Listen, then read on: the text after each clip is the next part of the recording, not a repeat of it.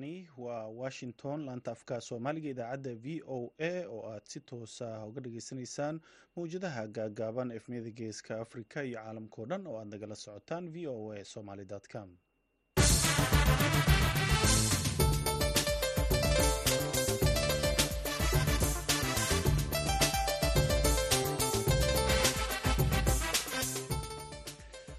subax wanaagsan dhegaystayaal. Waa maalin talaado ah lixda bisha februari sannadka labaatanka. Idaacadda saaka iyo caalamka waxaa idinla socodsiinaya anigoo ah cabdulqaadir maxamed samaka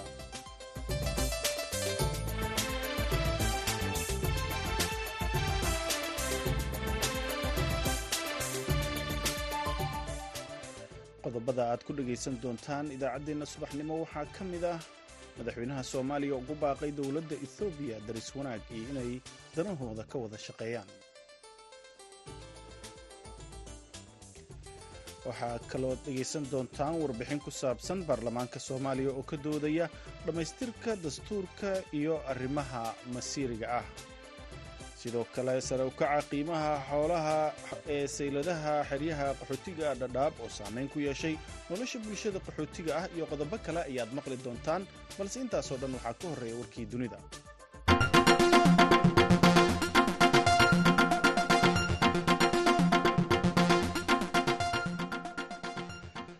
xogayaha arrimaha dibadda ee maraykanka antony blinkan ayaa isniintii shalay ahayd magaalada riyaad kula kulmay dhaxal sugaha boqortooyada sacuudiga maxamed bin salmaan kulankaas oo bilow u ah booqashadii shanaad ee uu blinkan ku tegay bariga dhexe. Tan iyo intii uu bilowday dagaalka ka socda ghaza blinkan ayaa u tegay bariga dhexe sidii uu u riixi lahaa heshiis uu wax ka dhexdhexaadinayo maraykanka oo la rabo in la kala dhex dhigo israa'il iyo xamaas qorshaha dib uu dhiska ghaza aanraahda ka gadaal dagaalka kadib iyo in la qaboojiyo xiisadda gobolka. Kulanka blinkan iyo maxamed bin salmaan ayaa qaatay muddo laba saacadood ah. Afhayeenka waaxda arrimaha dibadda matthew miller ayaa sheegay in blinkan iyo dhaxal sugaha ay ka wada hadleen iskaashi uu gobolka ka galo guul waarta oo laga gaaro qalalaasaha wuxuu kaloo sheegay in blinkan uu hoosta ka xariiqay ahmiyadda ay leedahay baahiyaha bini-aadinimo ee ka taagan khaza iyo in laga hortago in colaadda ay ku sii baahdo gobolka. Dhanka khaza xamaas ayaa bilowday inay dib ugu soo muuqato qeybo ka mid ah deegaanada ay israa'il burburisay ee waqooyiga gaza kadib markii ay ciidamada israa'il ka baxeen arrintaasoo ay ku dirayaan fariin ah in ay weli dagaalamayaan muuqaal laga soo duubay aaggaasi ayaa muujinaya burbur baaxad leh oo tusinaya in ku dhowaad guri kasta la burburiyey.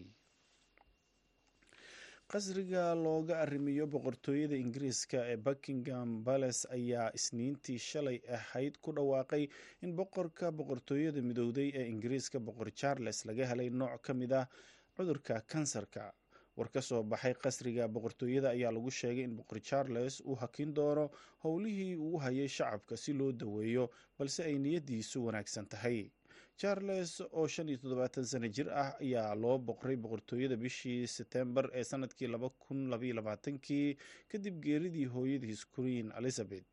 Warka ka soo baxay boqortooyada ingiriiska ayaa sidoo kale lagu sheegay in charles uu bilaabay inuu qaato dawooyin dhowr ah oo loogu talagalay in lagula tacaalo kansarka laga helay islamarkaana uu rajaynayo inuu dib uga soo laabto shaqadii uu u hayay dadweynaha sida ugu dhaqsiyaha badan.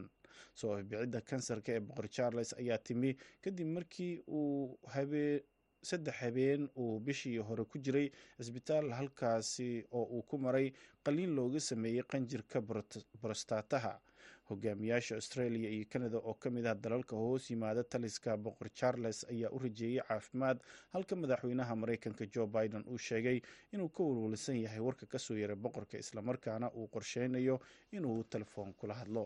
Dhegeystayaal warkeenii dunidana waa nageyntaa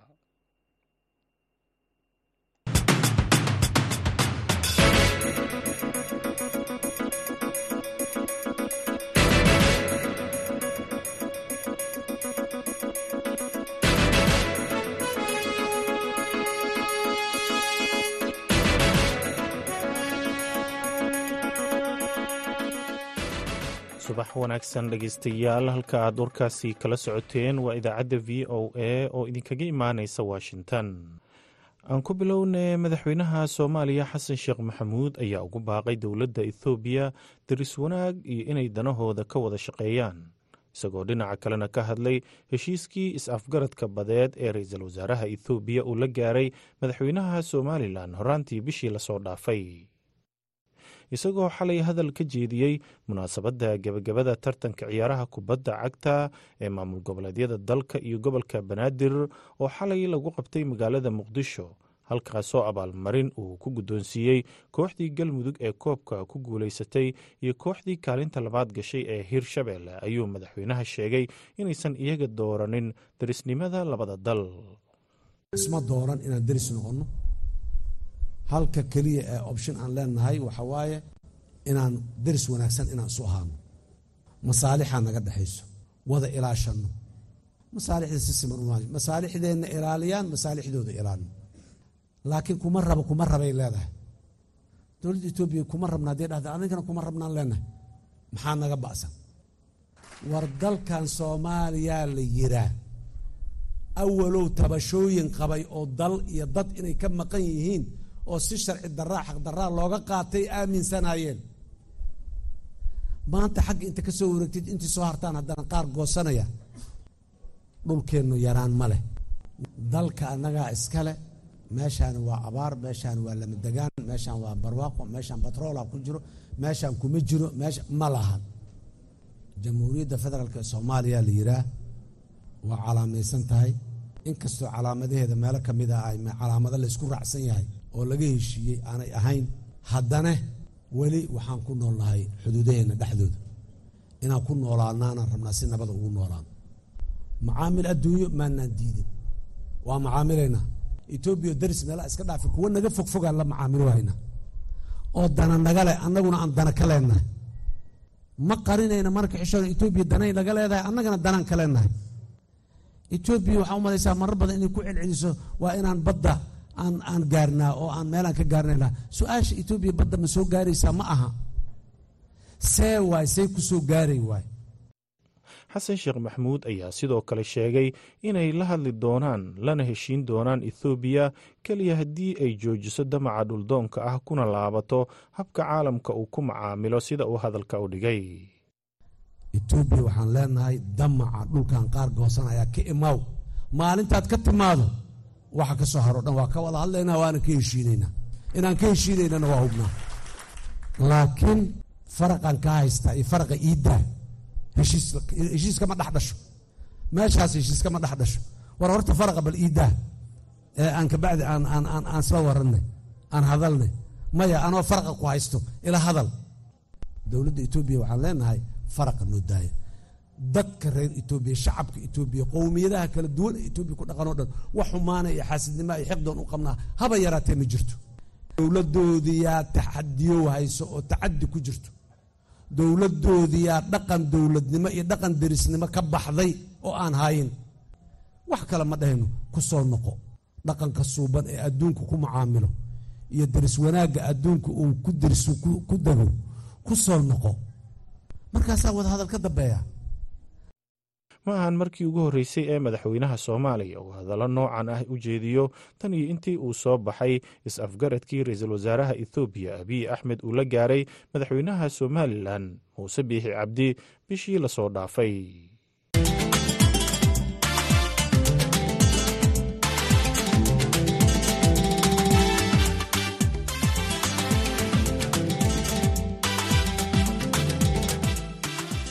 fadhiga golaha shacabka ee baarlamaanka soomaaliya ay ku leeyihiin magaalada muqdisho ayaa waxaa ka socota dood ku saabsan ajandaha siyaasadda iyo go'aamada masiiriga kaasoo uu qayb ka yahay dib u eegista iyo dhammaystirka dastuurka kumeel gaarka ah.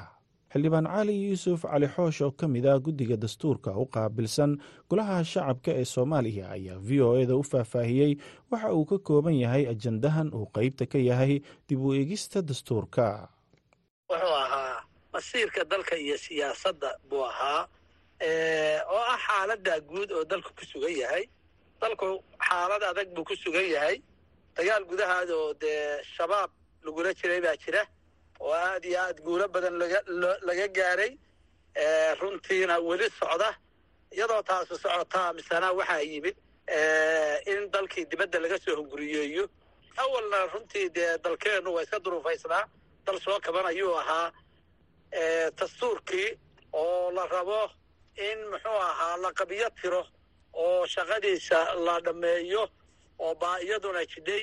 Sidaasaa marka ajantahaanu ku yimi bal baarlamaanku inuu doodo oo iswaraysto wacyiga dalka iyo duruufaha jira intaba la guda galo. Marka guddiga joogtadaabaa ajantaha keenay. Kabacdina doodaasaa maanta bilaabatay labadan beri. Way socon doontaa haddii ilaa hidmo xildhibaan cali siciid fiqi oo isagana ka tirsan golaha shacabka ee baarlamaanka. Kana mid a mudanayaasha saluugsan qaabka loo wado ajandaha ayaa v o eda u sheegay inuu qabo in dhammaystirka dastuurka laga talageliyo. Waxa uu ugu yeeray saamileyda siyaasadda iyo bulshada inteeda kale siduu hadalka u dhigay. Markii laga hadlayo qaranka masiirkiis hadda waa badan yihiin badanaa annaga waxaan u qaadanay in laga hadli doono arima arrinta ethoobiya iyo soomaaliya ama arrinta la dagaalanka argixisada ama maaragtay dastuurka. Laakiin meesha waxaa ka soo baxday in ra'yi kala duwan maaragtay ay oo isku qasan meesha ay ka socdaan. Marka aniga inta hadda aan dhihi karo waxay tahay iga aadan. Waxay tahay in runtii wixii oo dhan waxay isku soo biishubanayaan dastuurka dastuurkana ani waxaan qabaa sida dadka qaarkood ay qabaan. Ma qabi. Maadaama uu ummadda dhan soomaaliyeed uu ka dhexeeyo waxaan qabaa qof kastoo stakeholders dadka la dhaho maaragtay danleyda siyaasadeed ama af soomaaliya sidii lagu dhaho ma garanaya in anyway in qof kastoo ama siyaasi hore u jiray ha ahaado ama siyaasi hadda jooga ahaado la siiyo fikrad wax ku darsan karo. In haddii wanaag iyo qurux waxa qaranka u fiican laga shee laga shaqeynayo ama la keenayo fikrada intaas leeg waxaan qabaa qof kasta inuu ka qayb qaato. Xildhibaan cali xoosh ayaa isagana sheegay in dhammaystirka dastuurka ay u taalo cidda ku qoran dastuurka oo ula jeeday hay'adaha dowladda. Cidda hadda muxuu ahaa siyaasiyiinta oo hadlaysaa dabcan waxay ka hadlayaanin wax ay jecel yihiin oo ah in dastuurku meesha uu joogo uu iska taagnaado si berri ma garanaysaa? Sidii hore ay u oran jireen dastuurkaan dhammaynaya. Ay muxuu ahaa qodobkaasi ugu furan yahay.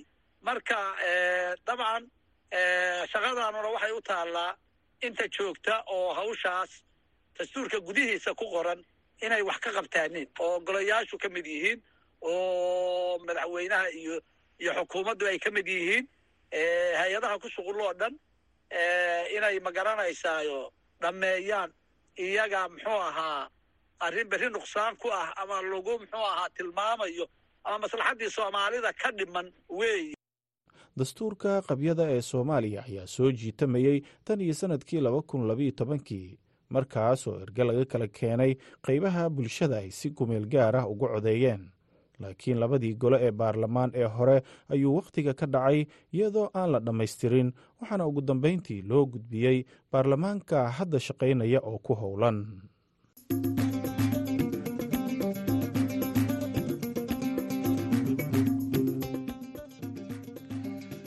waxaad naga dhagaysanaysaan idaacadda v o a oo idinkaga imaaneysa washington subax wanaagsan mar kale waxa aad sare u kacay qiimaha xoolaha nool ee saylada xeryaha qaxootiga dhadhaab ee dalka kenya iyo nawaaxigeeda.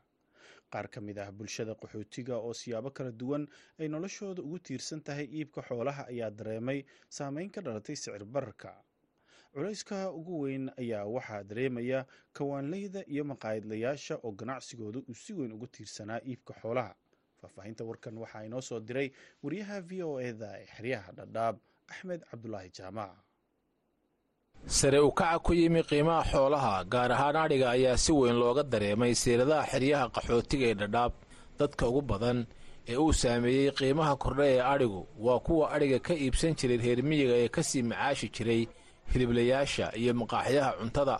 Cabdi xasan diiriye oo ah gaadle adhiga ku iibiya seeladda xagardheer ayaa sheegay inay aad u yaraadeen dadkii macaamiisha ahaa ee adhiga ka iibsan jiray qiimihiisa oo aad u kordhay darteed. Ariga marxalad fara badan buu soo maray. Sannadyadan dambeete ariga qaali waaye. Ariga aad buu u kacsan yahay. Barayskiisa aad buu u sarreeyaa. Maalintii waxaa laga yaabaa markuu ariga raqiiska ahaa in gacantaada ay soo gasho toban neef shan iyo ay gacantaada soo gasho yaa laga yaabaa lagaana qaato laakiin markuu hadda qaaliga noqday sababtoo qaaligii nin walbaba waa kala leexanayaoo si loo gata lama yaqaan ninka muraadlaha ee muraadka ka rabo si u gata ma yaqaano. Kan kaleete oo yacnii hal qof un kaa gadan karo qof uuna arrin muhiim oo culayskeeda oo haysto basa aad u danaynaya ariga markuu qaaliga noqdo. Laakiin markuu qaaliga noqdo nin walba waa ka yara warwareegsanaya cabdi oo markii hore adhi badan ku iibin jiray siiladda ayaa xilliga aan la kulmay gacanta ku hayay saddex neef oo ugayb ah oo sida uu sheegay uu subax hore keenay siiladda welina aan laga iibsanin. Sababta ayuu ku sheegay inuu ku la'yahay qiimihii uu ku rabay. Saddex neef hadda saddex baa lacag baa lii gaara laba waa laba waxaarooda yar yare. Afar kun iyo dhowr boqol baana lii gaar mana u qalmaan afarta kun iyo dhowrkaas boqol uma qalmaan. Afarta kun iyo dhowr boqol maadaamay u qalmin qaaliba walba uga warwareegsanaya. Qaalibi igu soo galeen waayo afar kun iyo dhowr boqoloo shilin baa neefka igu soo galay. Haddeena afar kun iyo dhowr boqoloo kale kale iyaan ka sare afar kun iyo lix boqol afar kun iyo toddoba boqol baan ku rabaa. Afar kun iyo saddex boqol markaan ku soo gaday ama afar kun iyo afar boqol aan ku gaday afar kun iyo toddoba boqol afar kun iyo lix boqol anna aan ku rabo xoogaa neefkii qaalibi uu yahay. Qaaligaasaa looga leexanaya ari la'aantaa keenaysa sababto ariga kor ka imaan jiray oo dhan baa yaa yar aad u yar. Qiimaha adhiga ayaa gaadhay meeshii ugu sarraysay intii la joogay xeryaha qaxootiga waxaana adhiga qaaligaroobay laga dareemay nolosha dad badan oo siyaabo kala duwan ugu tiirsanaa iibka xoolaha ee xeryaha qaxootiga sida uu v o eeda u sheegay maxamed khaliif axmed oo ah oday muddo soddon sana ah ka shaqaynayey seeladda xagardheer arigan marxalad badan buu soo maray raqiis wuu soo maray qaali wuu soo maray dhexdhexaad wuu soo maray laakiin sanadkan siduu noqday ebed ma arag si u qaaliyoobay xadkabax buu noqday neefka birimada oo gacanta hore ah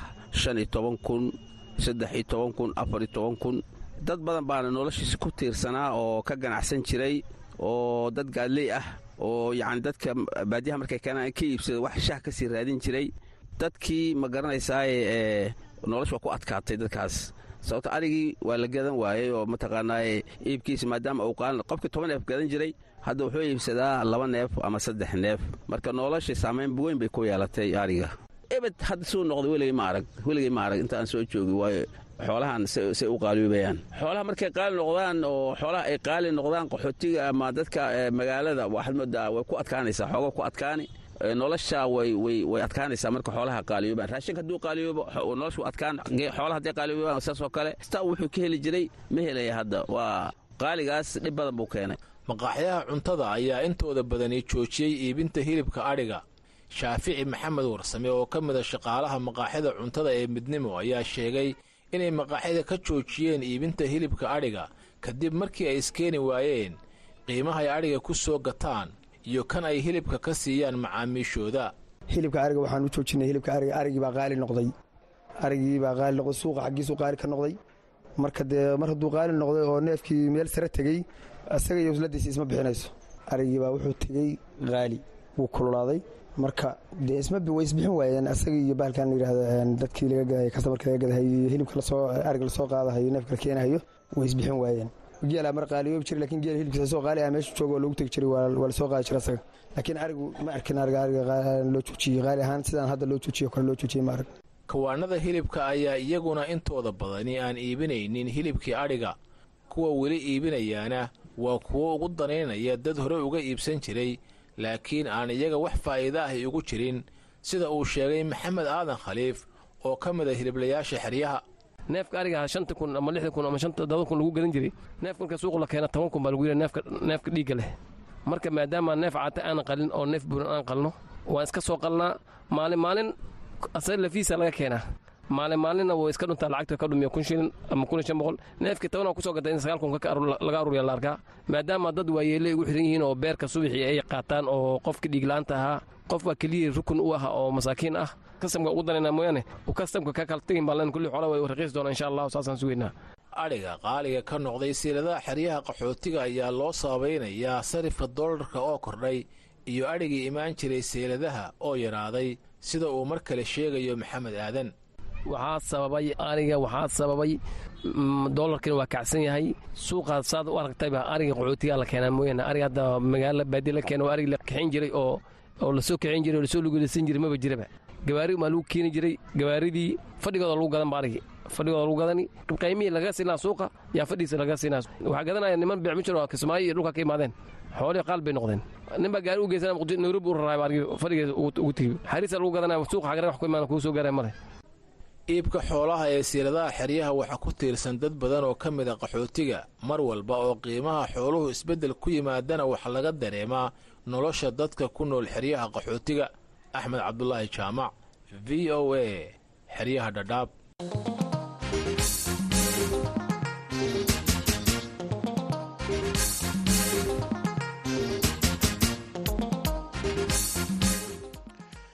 boqol haween ah oo laga keenay xeryaha barakacayaasha magaalada baydhabo ayaa loo soo gabagabeeyey tababar lagu barayay hal abuurka shaqooyinka si ay u maareeyaan noloshooda iyo nolosha qoysaskooda. Sida uu warbixintan ku faahfaahinayo wariyaha v o eda ee magaalada baydhabo mukhtaar maxamed catoosh tababarkan waxaa loo soo gabagabeeyey in ka badan boqol haween oo laga soo xulay xerooyinka barakacayaasha magaalada baydhabo kuwaasi oo la barayay habka ay u shaqaysan karaan si noloshooda ay u maareeyaan. Waxaa soo qabanqaabiyey tababarka wasaaradda shaqada iyo shaqaalaha maamulka koonfur galbeed iyo qaar ka mid ah hay'adaha samafalka ee ka howlgala deegaanada koonfur galbeed. Muhiimadda tababarka ayaa ahaa haweenka barakacayaasha in la baro habka hal abuur dhaqaale ay ula imaan karaan.